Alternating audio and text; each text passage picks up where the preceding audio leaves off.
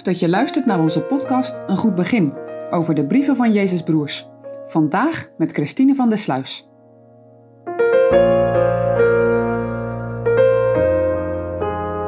Niet te temmen, die tong van ons. Althans, niet in eigen kracht, lazen we gisteren in vers 8 van Jacobus 3. Zegen en vervloeking komen eruit voort. Met onze tong loven wij God en vervloeken wij mensen. In de kerk zingen we psalmen tot eer van de Here en na de kerkdienst kunnen we de dominee of gemeenteleden verguizen met onze woorden. Dit moet alzo niet geschieden, lazen we in vers 10. Hoe is het bij jou? Komt er zoet of bitter water uit jouw mond? Ben jij wijs en verstandig?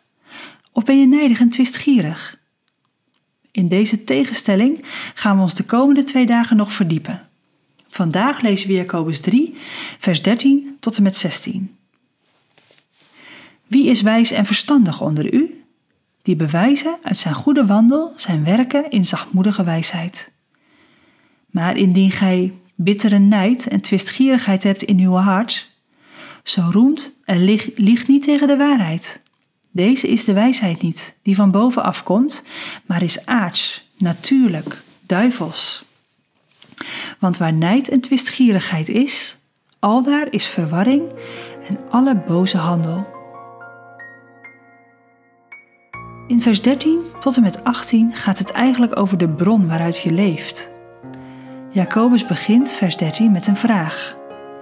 Wie van jullie is wijs en verstandig? Tja, zeg je, dat is wel een lastige vraag.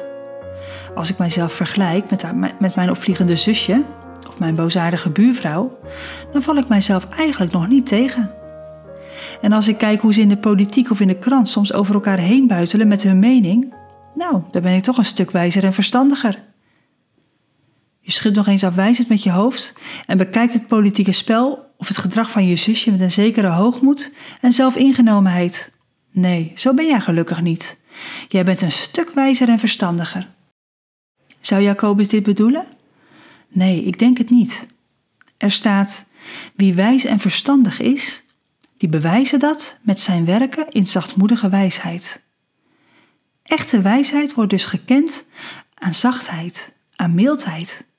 Dan beheers je je eigen woede, maar verdraag je de woede, de impulsiviteit en boosaardigheid van anderen ook met mildheid, zonder oordeel, zonder jezelf boven hen te verheffen. Oei, dan wordt het al een stuk lastiger, hè? In vers 14 lezen we eigenlijk een soort ontmaskering. Als je afgunst en twist in je hart opmerkt, als je innerlijk oordeel hebt over anderen, als jaloezie je verteert, doe dan niet net alsof je wijs en verstandig bent. Dus Jacobus heeft in het eerste gedeelte van hoofdstuk 3 de nadruk gelegd op datgene wat naar buiten komt door het gebruik van je tong. Maar nu legt hij ook de vinger bij dat wat in jou zit. Misschien niet zichtbaar voor anderen, maar het is er wel. Voel je hoe ontzettend nauw het komt? We kunnen ons beroemen op ons keurige uiterlijk en onze bescheidenheid, maar oh, als er in ons hart jaloezie, bitterheid, oordeel en afgunst is, dan zijn we dus geen haar beter. Ook deze is de wijsheid niet, staat in vers 15. Ze is aards en duivels. En dan volgt vers 16. Want waar nijd en twistgierigheid is, al daar is verwarring en boze handel. Eigenlijk zijn de versen 13 tot en met 16 een soort opsomming. De afgunst komt eerst. Deze lokt ruzie en discussie en hoogmoed uit. En daarna volgt verwarring en allerlei andere zonden. Het begint dus in jou, in je hart. En dat hart, dat is zonder de Heer alleen maar zwart. Daar kan alleen maar modder uit voortkomen. Maar met de Heer, met de wijsheid die van boven komt, kunnen uit dat zondige hart de vruchten van de geest voortkomen.